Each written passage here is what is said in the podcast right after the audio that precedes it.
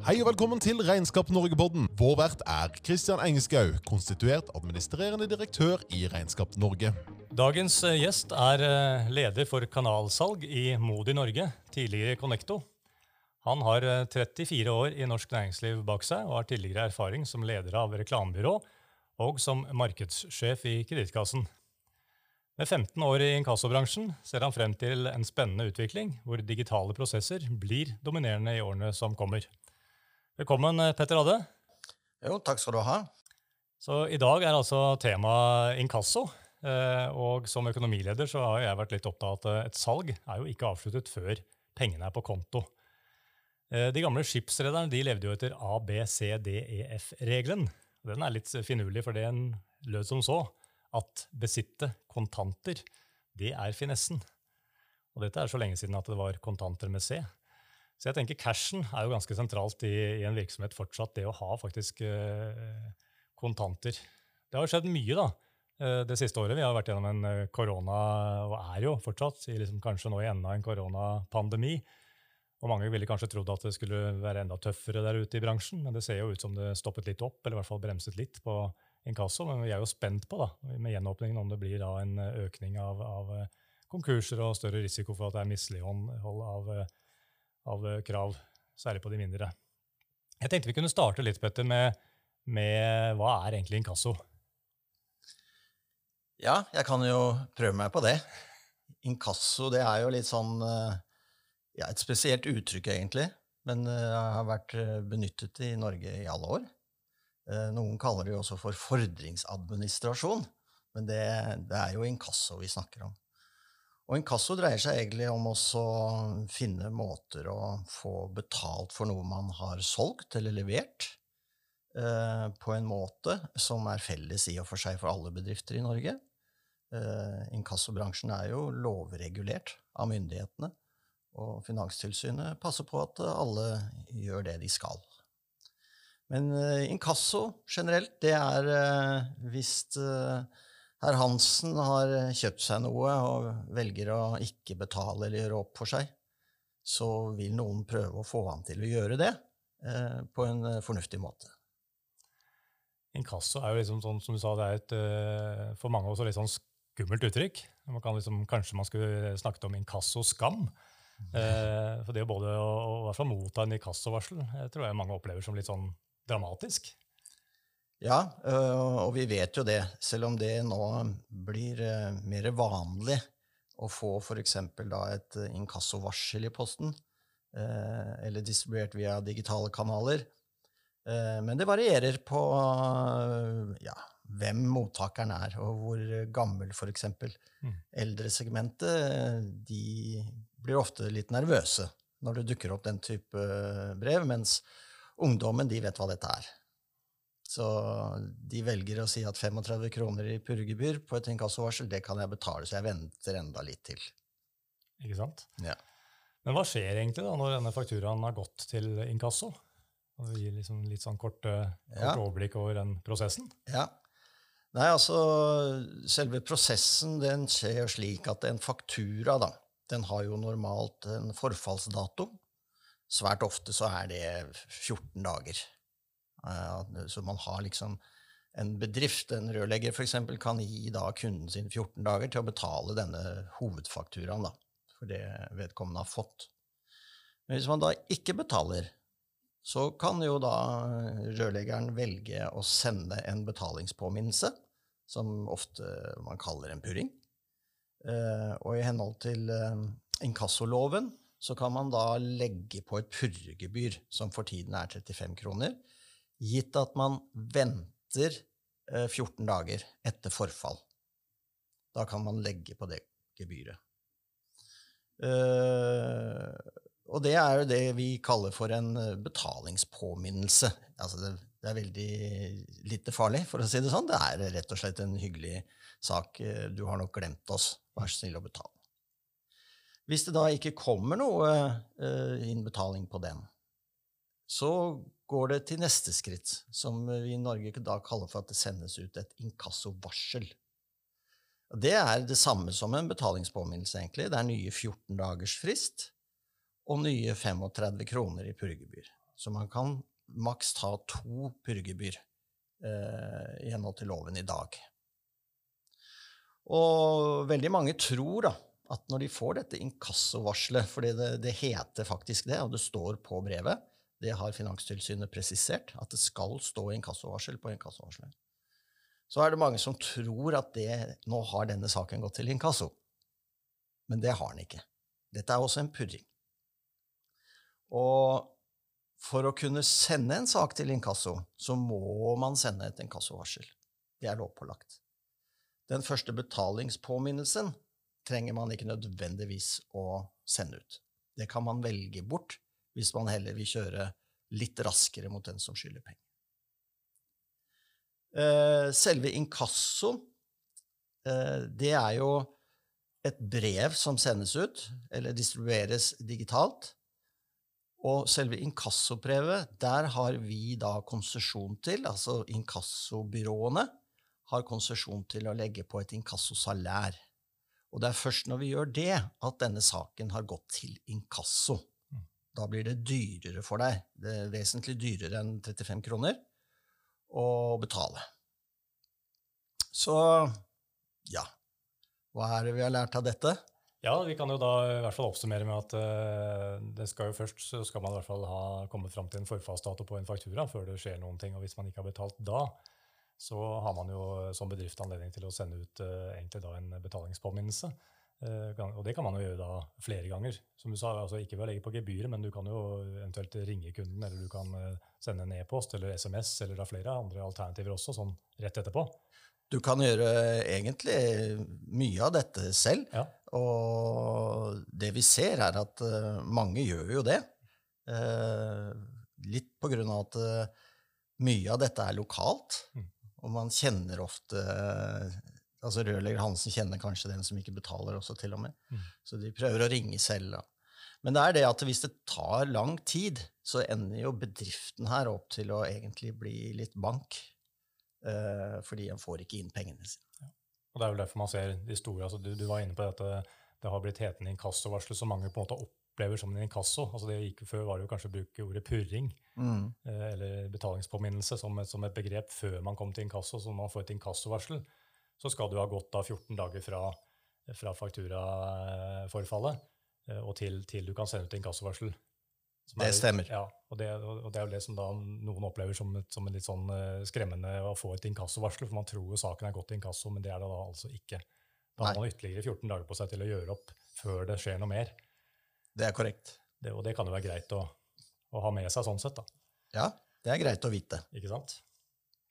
Men liksom for å, for å liksom starte liksom før du kommer så langt, så har man jo, eh, man har jo gjort en avtale om å kjøpe noe eh, som man skal forhåpentligvis betale for. Og så er det spørsmål hva kan man gjøre liksom, for, for, for, å unngå å komme i en situasjon da, hvor man ikke får betalt og gjort opp for det man har levert av, av tjenester eller varer. Eh, har du liksom noen gode, gode, råd å komme med der? Ja, altså Det vi sier, da, som jobber med disse tingene, det er jo det å etablere eh, Nå snakker jeg om for bedriften. Eh, gode rutiner. Eh, vi ser jo at det er veldig forskjell fra bedrift til bedrift. Noen bedrifter eh, sliter rett og slett med å få sendt ut fakturaen når varen er levert eller tjenesten er levert. Så det å ha gode rutiner, passe på at man fakturerer løpende, det er ekstremt viktig. Det, det, har jo også sin årsak i at kunden her, som har fått noe, forventer egentlig å få en faktura.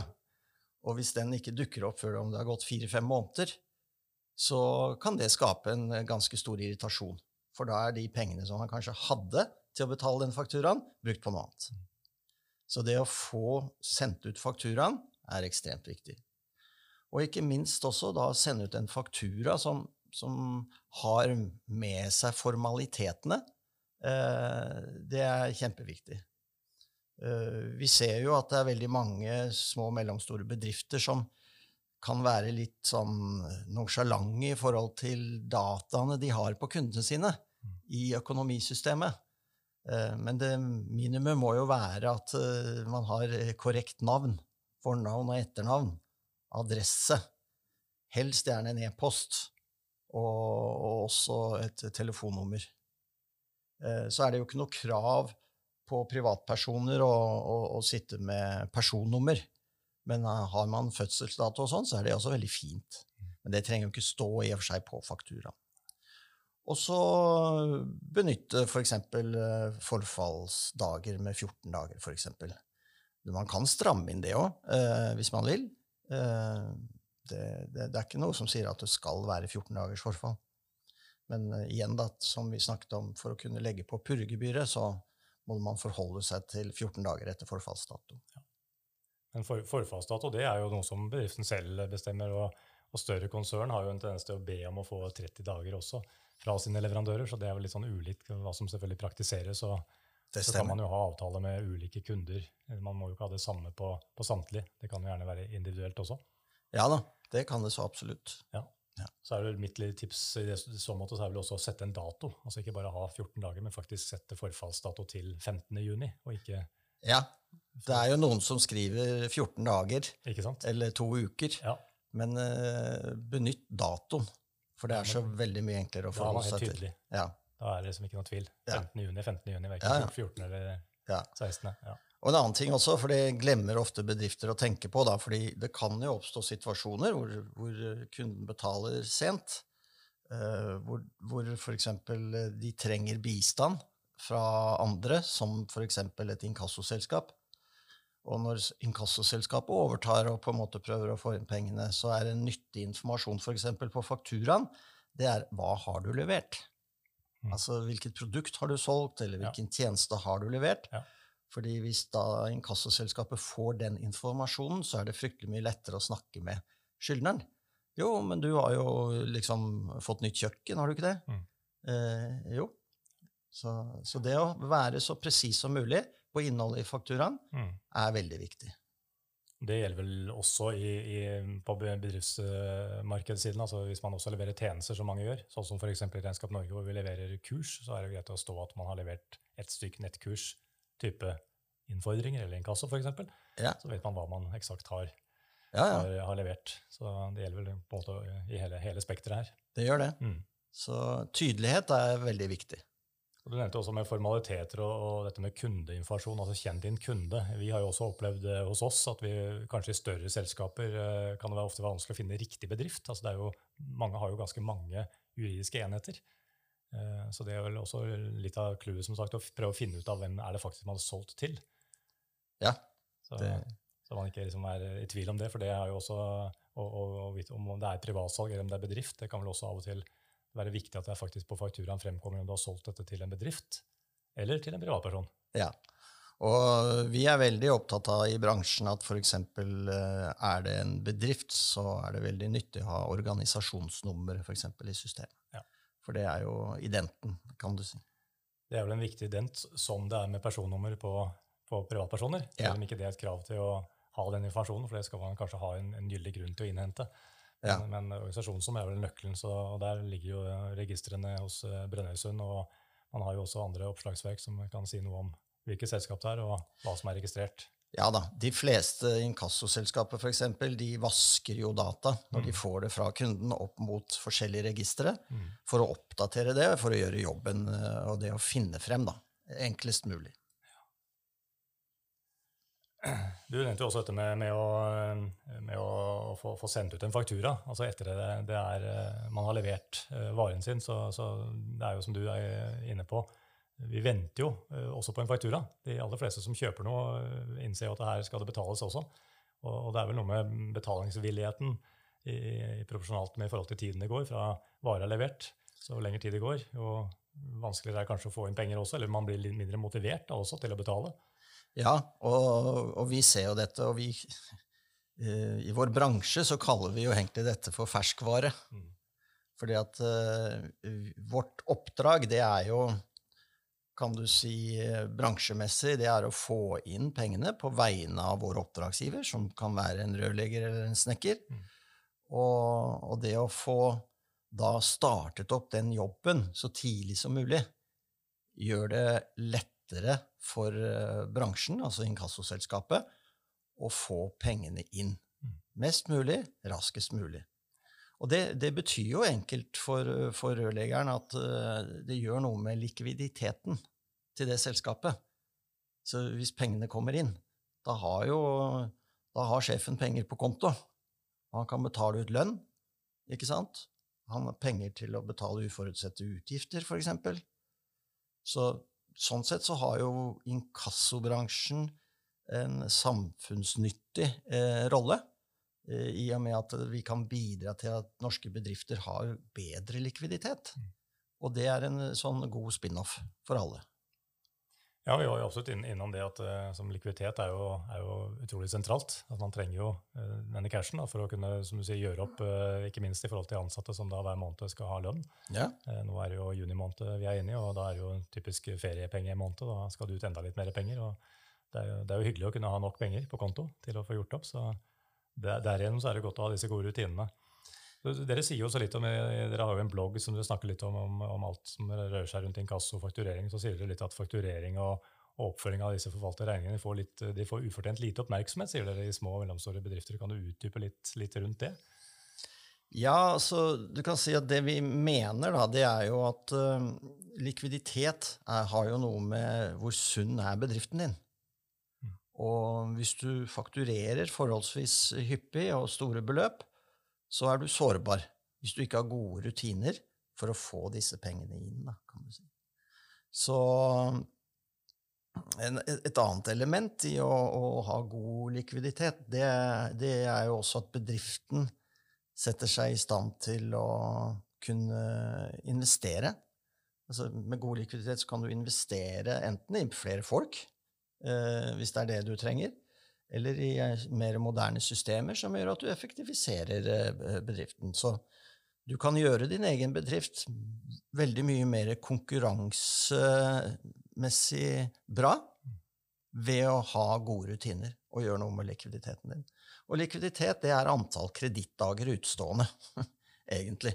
Så hvis du har 14 eh, dager som bedrift på fakturaene dine, men ikke har gode rutiner, slik at de pengene først kommer etter 70 dager, ja, da De pengene kunne du hatt på dag 30, kanskje, istedenfor. Mm. Og det koster deg renter. Det koster penger, absolutt. Og det, ja. Nå er kanskje renteelementet litt annerledes i dag enn det, det var tilbake, men, men, men, kanskje vel så viktig som du var inne på i sted med dette med å ha pengene tilgjengelig. Ja. Det, er jo, det, er jo, den friheten det skaper å faktisk eh, slippe eventuelt å, å låne penger andre steder. Så, så, det er jo kanskje det du er inne på også, at man ikke tenker så mye på at det, eh, når man da utvider kredittiden, så gir man jo faktisk kundene sine et lån. Ja, det er et kredittelement. Ja, ja. Det er penger som egentlig er dine, ja. men uh, som du ikke har fått ennå. Så det, det, er enkelt sagt. I dag er det jo også blitt veldig mye ulike former for blitt ulike, det har kommet, Vi har fått denne faktureringen på et elektronisk format gjennom dette elektroniske handelsformatet EOF. Eh, så nå er det som på en måte blitt eh, tre hovedmåter, eller kanskje mer eller mindre to. Det er jo mye, fortsatt mye e-post og, og PDF-er som sendes, og, og, regnskapssystemet genererer eh, mailer hvor det sendes faktura, og, og, fortsatt noe på papir, selv om kanskje den papirbiten uh, er litt redusert. Ser, ser dere noe, på en måte noe, noe forskjell her i, i, om det er lavere, færre inkassosaker på f.eks. EHF-utsendelser enn det er på tradisjonelt e-post? Ja, det ser vi. At det kommer faktisk eh, raskere betaling når eh, det sendes ut digitalt. Eh, og det er jo alle tjent med. Og det kan jo være greit for alle å vite at det, er jo ikke slik at det er veldig mange inkassosaker som sendes ut i forhold til antall fakturaer. Vi har jo en tommelfingerregel som sier at sånn mellom ja, et eller annet sted mellom én til 3% av alle fakturaer ender opp som en inkassosak. Så de, de, alle betaler jo egentlig. Det er noen få som ikke betaler. Og så er det jo også slik at sånn som 80-20-regel at det er eh, en del gjengangere som ikke betaler. Mm. Ikke sant? Så vi som jobber i denne bransjen, vi kjenner jo etter hvert ganske godt til hvilke bedrifter og hvilke privatpersoner til og med som har en tendens til å, å være litt sene betalere. Da. Mm. Mm. Og da er man tilbake til det vi også var innom, altså kjenn din kunde. Det, det, er jo gode møter til å drive også en, en kredittvurdering, hvilket veldig mange gjør også. altså man, i hvert fall De større virksomhetene har jo, har jo, ofte en rating på hvor mye du kan handle for eh, før du er over i en, eller passert en kredittgrense. Absolutt. Ja. Og det å, og det å legge inn gode løsninger for å kredittsjekke kundene sine, det er smart.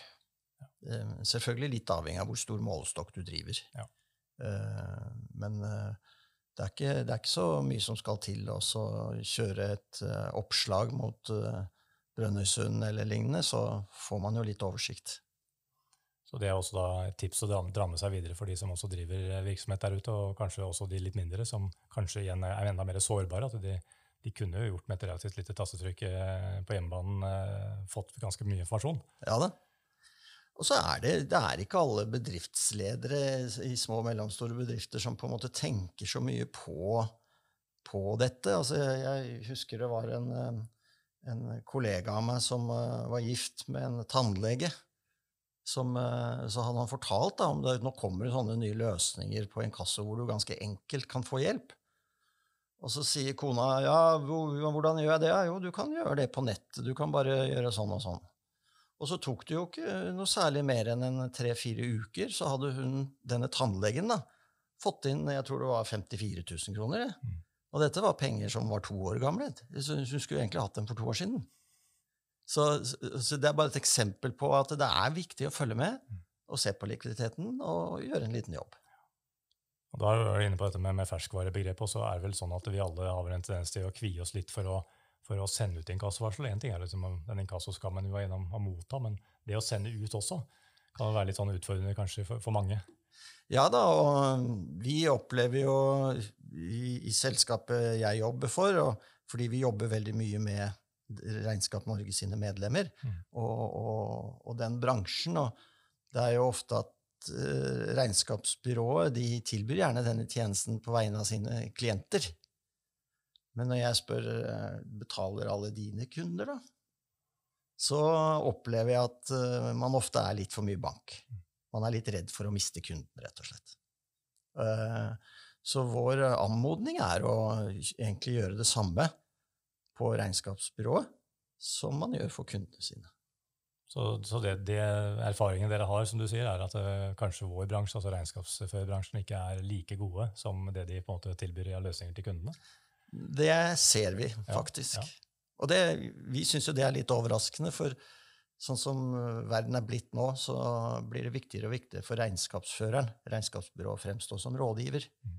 Og, og, da blir det jo viktig at de har gode løsninger på dette selv, mm. og gode prosesser på det selv, hvis de skal prøve å selge inn dette som en tjeneste til sine kunder. Har det der noe med, med på en måte relasjonen å gjøre til kundene i noen setting? At de føler at det blir veldig nært, og litt at det også skaper en sånn ekstra, eh, ekstra vrient da, å, kjøre inkasso? Ja, altså du kan si eh, i dette segmentet, da, som vi kaller altså små og mellomstore bedrifter, som er utover det ganske land, mm. eh, grisgrendte strøk, og det er ofte veldig lokalt, så kjenner jo gjerne bedriftene kundene godt. Mm. De, de, treffer dem på kafé, de, de, går på dem på gaten og sånne ting. Og derfor kan de kvie seg da, for å sende ut. Men uh, det er da vi sier at uh, myndighetene har jo etablert inkassobransjen i Norge, uh, og som overvåkes av Finanstilsynet. Så alle, alle, autoriserte byråer oppfører seg jo ordentlig. Og det er lettere for oss å ta en telefon til naboen enn, enn hvis du skal gjøre det selv. Mm. For da, da, distanserer du deg litt for det, og det, det er bare profesjonelt å gjøre, egentlig. Ja, og det er som du sier, De gir jo selv råd til, til, til uh, sine kunder igjen om å nettopp få inn disse pengene. Så det, det gjelder jo liksom i hele verdikjeden. Ja. Så Man er jo avhengig av å få gjort opp uh, og levere regnskapstjenester uten å få betalt. Det er jo heller ikke noe spesielt god butikk. så Neida. det ja. Da er vi inne på det som selvfølgelig, Vi har jo Regnskap Norge-podden og liksom relasjonene til regnskapsfører. og Du var inne på dette med å være rådgiver, og det er jo noe som vi også fra Regnskap Norge er veldig opptatt av. at vi Eh, ser at i bransjen vår så, så må man jobbe mer med rådgiverdelen av, av oppgavene. Eh, for transaksjonene kommer jo til å strømme mer eller mindre sømløst igjennom. Eh, på, på sikt, i hvert fall. Så, så kan, liksom, hva, er, hva, kan regnskapsføreren gjøre da, med å bistå SMB og, og kunden? Ja, altså, jeg, jeg snakker jo med regnskapsførere hver dag, og, og, det er klart at det, det også etter hvert bli moden nok til å ta opp diskusjonen med kunden, uh, kikke i regnskapet og si at uh, du har faktisk ganske mange utestående fordringer her.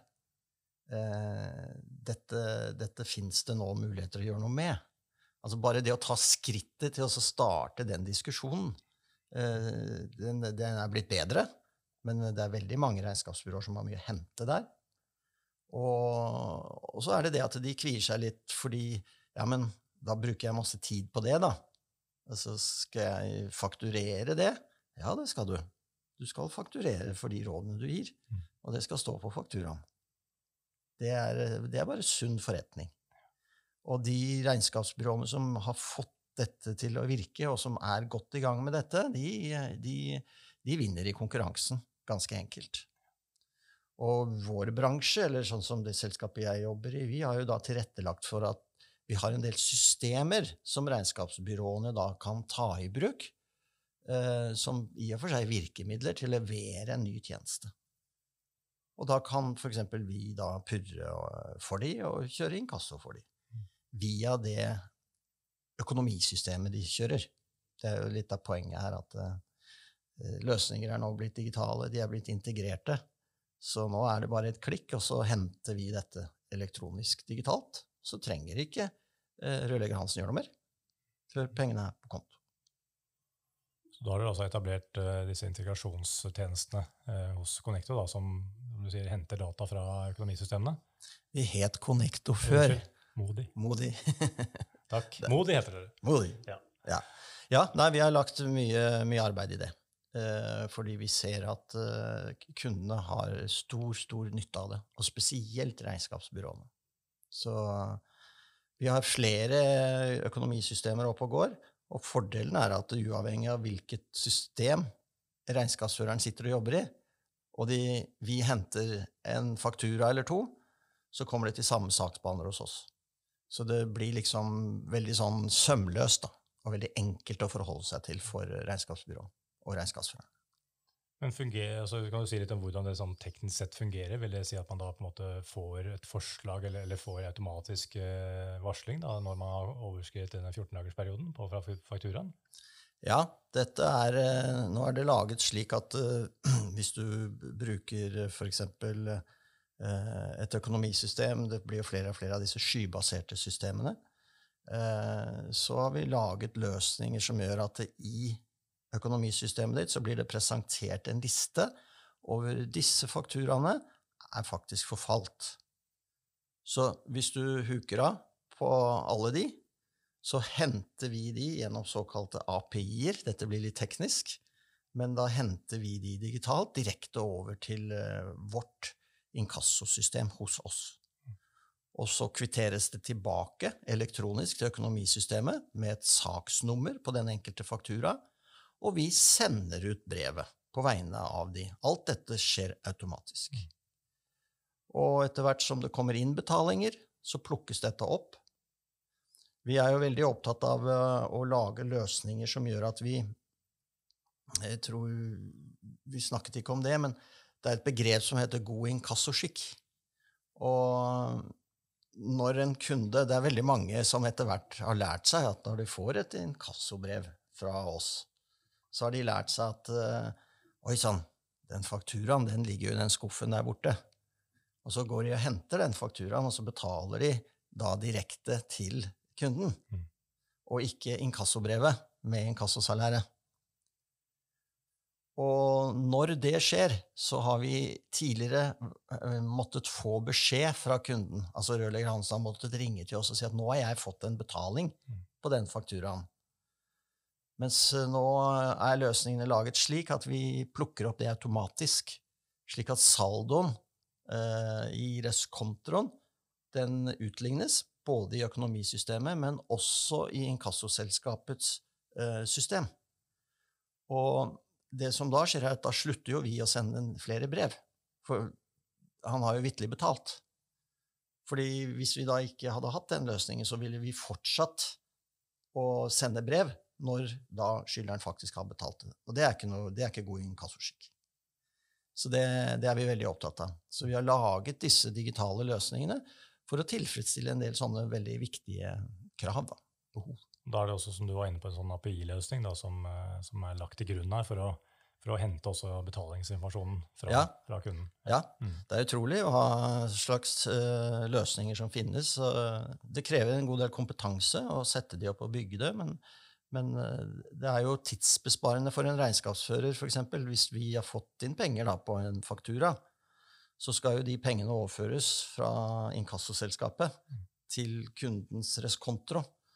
Og der har vi også gjort det sånn nå at det ligger konti registrert på klienten når den blir kunde hos oss. Så når vi da sender over penger, eller som det heter, remitterer, så posteres beløpene direkte på de kontiene man har valgt. Så man trenger ikke lenger gå inn manuelt og postere beløp og bilag. Dette skjer automatisk.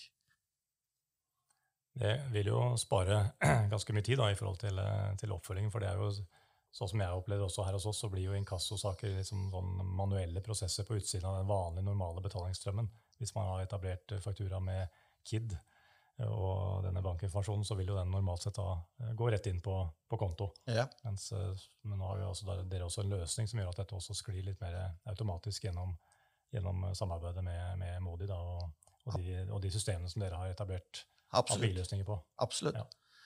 Og det, det, vi har lært så mye av Vi har jo vært uh, samarbeidet med dere, altså Regnskap Norge i så mange år nå, så vi har blitt veldig godt kjent med regnskapsføreren og, og regnskapsbyråene og hvilke behov de har. da. Du nevnte jo også, du var innom god eh, inkassoskikk, og det, liksom, det, klinger jo godt i ørene på, på regnskapsfører som er vant til å gå og jobbe med, med god regnskapsførerskikk. og det er, jo, det er, jo, kanskje viktig å, å presisere også at det ligger jo et, et, et eh, strengt regime rundt det å drive inkassovirksomhet. Ja, og der har jo bransjen litt forskjellig fokus. Og vi vet jo noen selskaper Det er alltid sånn innenfor en bransje. De, de går litt annerledes til verks enn, enn de fleste. Men uh, vi har en filosofi som går på å uh, Ja, vi sier jo egentlig at vi skal bidra til å bygge omdømme på vegne av våre oppdragsgivere i måten vi snakker med kundene deres på. Og det kjører vi kursing på internt veldig mye. Det er hvordan, hvordan er den første samtalen med, med, den som skal betale. Det er veldig viktig. Og så må jo vi også etter hvert, hvis de ikke vil betale, så må vi bruke de virkemidlene vi har, til å skru til litt. Grann. Men eh, det er veldig viktig for oss at vi håndterer disse sakene på en måte som gjør at denne skyldneren, eh, eller sene betaleren, faktisk fortsetter å kjøpe tjenester av denne bedriften. Det, det er jo å tilføre en stor verdi for bedriften. Så, og de fleste, de, de betaler. Altså, De gjør jo det. Og så er det noen som på en måte enten ikke har penger, og sånn, da må man jo utsette dette litt. Men, eh, men, vi er veldig opptatt av måten dette gjøres på.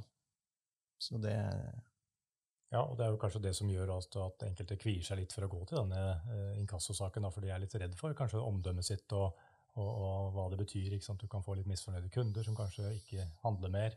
Men det er, liksom, det er jo å finne den balansen da, mellom uh, du skal faktisk betale for noe du har fått levert. Ja. Så til tross for det, så er det vel kanskje viktig å, så er det vel, er vel noe med å avklare litt i, liksom, hva man kan gjøre også for å unngå en inkassosak. Du nevnte jo dette med i sted, og vi snakket jo litt om dette med å være tydelig på hva som blir levert. Og det er jo kanskje også få, hvis, det er en dissens om noe, så får man jo kanskje ta den avklaringen nå. så det er jo kanskje også et tips til, til bedriften der ute at de må rydde opp litt hvis kunden kommer med innsigelser.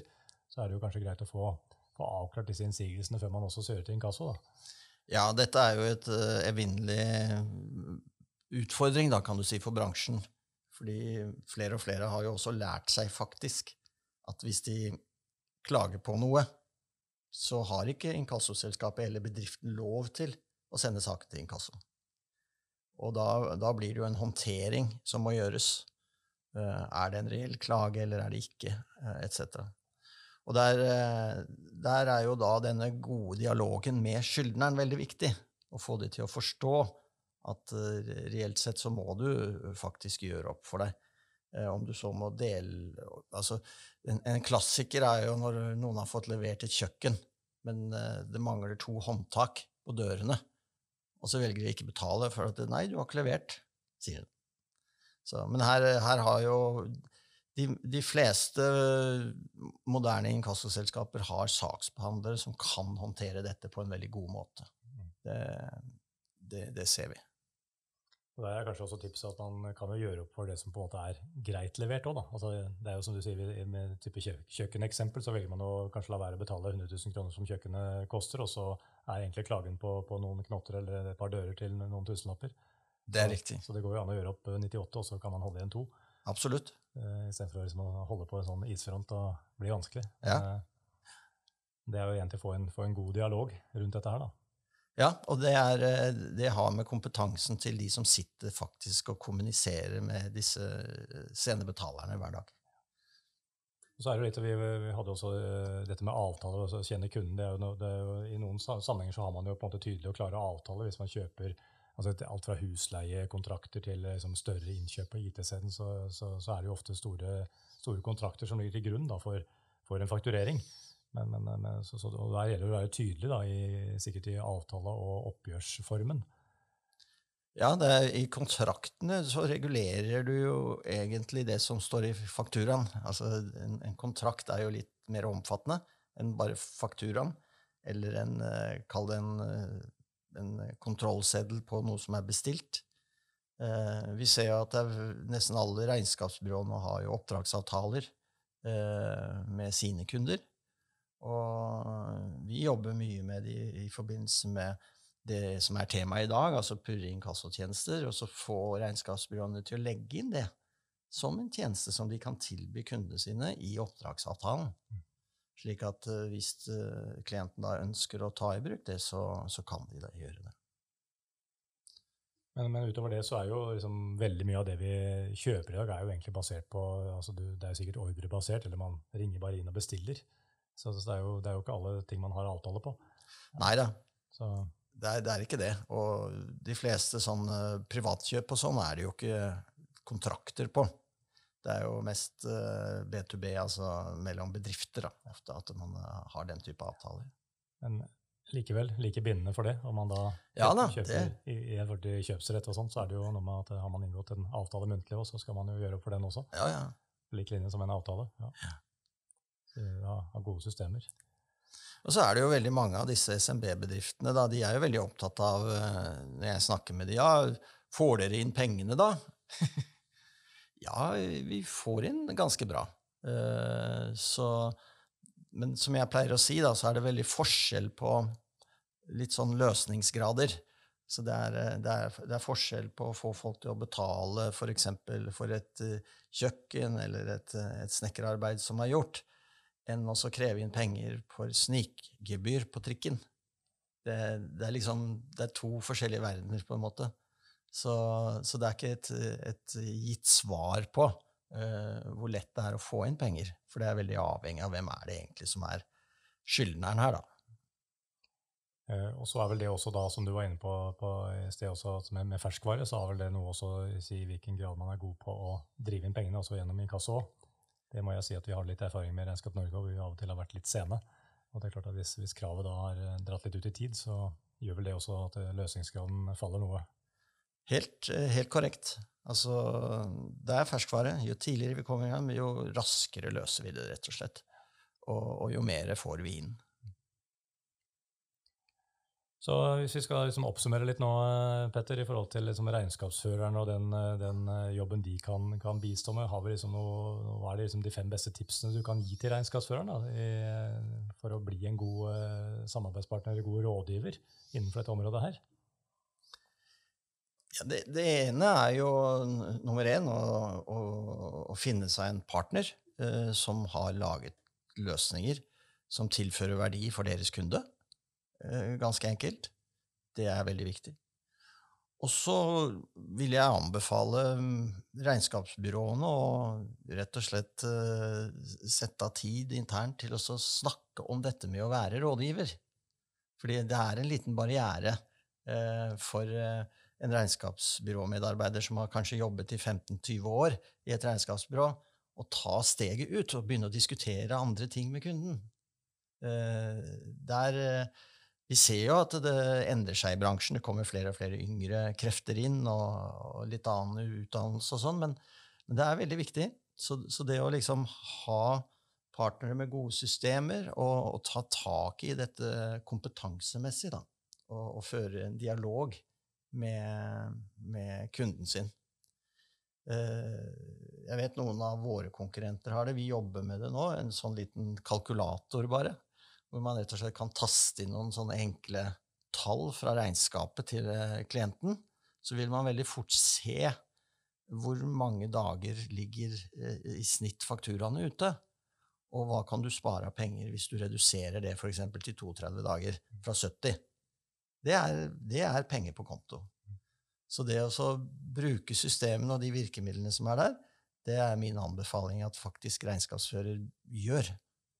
Eh, og kommer seg litt ut av den derre den gode arbeidshverdagen. Fordi det krever at man eh, tar, tar litt tak i seg selv. Det er jo kanskje heller ikke sånn voldsomt store ting som må på plass heller. Og det å gi litt tips, som vi snakket om også på det med å, å få til gode rutiner på fakturering. Altså alle starte der og ha en gjennomgang med, med kundene sine på hvordan de faktisk uh, opererer med fakturering. Ja. er vel også et sted å starte. Absolutt. Så, Så det er helt klart. Altså, hvordan fakturerer du, og hvordan purrer du når det ikke blir betalt på forhold, Mm. for forfall? og det er jo, eh, som minner meg litt, Vi går jo nå mot uh, ferietider, og, og uh, juni måned, som vi sa i sted også, er liksom den store måneden for feriepengeutbetalinger. I hvert fall på, for oss som privatpersoner får vi noen ekstra kroner. Og det er vel også uh, et tidspunkt hvor kanskje også noen velger å, å gjøre opp litt, litt gammel gjeld. Da, og liksom tidspunkt hvor man også kanskje skal tenke litt på det som bedrift. at det, Har man da privatkunder, så er det så et godt tidspunkt hvor flere har litt mer penger enn de vanligvis har. Og kanskje et større mulighet. Jeg vet ikke hvordan opplever dere, Er det noen sånn svingninger årsmessig rundt, rundt akkurat dette feriepenge- og junimåned? Det, det er det. Så vi som selskap vi har i, alle år egentlig kjørt, eh, kjørt aktiviteter på, på vegne av klientene våre i sånne situasjoner som feriepenge, ikke sant? halv skatt i desember, selv om da skal det kjøpes julepresanger. Men, men eh, det, er jo, det er jo et faktum at da har folk litt ekstra penger. Så da tar vi og sender ut flere brev, eksempel, og øker aktivitetsnivået. da for å, for å få løsning på, på sakene. Det, det er riktig. Ja, eh, vi kunne snakka lenge om inkasso, Petter. Jeg vet ikke om du er inne med noen noe, noe ting som du gjerne har på hjertet, som du ville, ville si? Nei, altså, du kan jo sette i gang meg, så kan vi holde på en time til. Nei da, det begrenser seg jo litt. Grann. Men det, det jeg syns er litt sånn nå, har jeg jobbet i denne bransjen i ganske mange år, og det, jeg husker da jeg begynte å jobbe i denne bransjen, så snakket man ofte sånn uh, ja, hvis, hvis, du jobber i inkasso og du er på byen, og, og så spør du hva jobber du med, så svarte de fleste som jobbet i denne bransjen, jeg jobber på kontor, jeg. Fordi det å si at jeg jobber med inkasso, det var liksom Det var man ikke så stolt av. Men det har endret seg. Altså, bransjen er blitt veldig, veldig profesjonalisert. Laget systemer som er proffe, og håndterer disse sakene på en god måte på vegne av oppdragsgivere. Og det gjelder jeg vil si 95% av inkassoselskapene i Norge. Og så er det alltid noen som på en måte sklir ut og ikke helt fører god inkassoskikk. Men generelt så er bransjen veldig flink. Det høres uh, veldig bra ut, og jeg tenker at uh, vi kan kanskje avlive denne myten om inkassoskam. At vi på en måte, det er en del av, prosessen også. Og for de fleste som du var inne på, glemmer kanskje bare rett og slett å betale. Jeg selv får jo av og til e-post uh, i privatsiden, og det er fort gjort da, og at den forsvinner. Ja, det er veldig fort gjort. Og etter hvert som det også digitaliseres enda mer, så, så betaler du jo bare ved noen tastetrykk også. Så jeg hadde en situasjon for min egen del her. Jeg måtte kontakte noen som jeg mente hadde sendt meg en faktura på noe. Men så husket jeg ikke, og så fant jeg den ikke igjen. Så jeg, jeg fant en tidligere faktura, og så sendte jeg e-post, og så fikk jeg bare raskt svar tilbake. Jo da, denne fikk du da og da, og den er betalt da og da. så. Da hadde de hadde kontroll. Men, men, men, det er litt sånn at folk Det skjer som raskere, da. Og så er det vel noen også som mister litt oversikten. Så. Ja, Det gjelder jo å få uh, dette digitale sporet, både som privatpersoner og når man får e-faktura også rett i nettbanken, så er jo det veldig behagelig som privatperson. Ja, uh, en helt annen form for kontroll, akkurat som EOF-en. Ja som jeg håper også vil komme, den elektroniske handelsformatet, at vi får det fullt og helt på et eller annet tidspunkt inn i bedriftshverdagen, så vil jo det eh, lette også hele prosessen, og også forhåpentligvis, som du var inne på, øke betalingsgraden. Ja, det vil det. Så yes. Nei, men uh, tusen hjertelig takk, Petter. Da håper jeg at eh, lytterne har fått uh, litt mer uh, informasjon om inkasso og hva de kan bidra med, at regnskapsførerne har en liten jobb der ute, og de kan absolutt bistå mer. Ja. Så tusen takk for at du kom til, til oss. Jo, bare kjempehyggelig.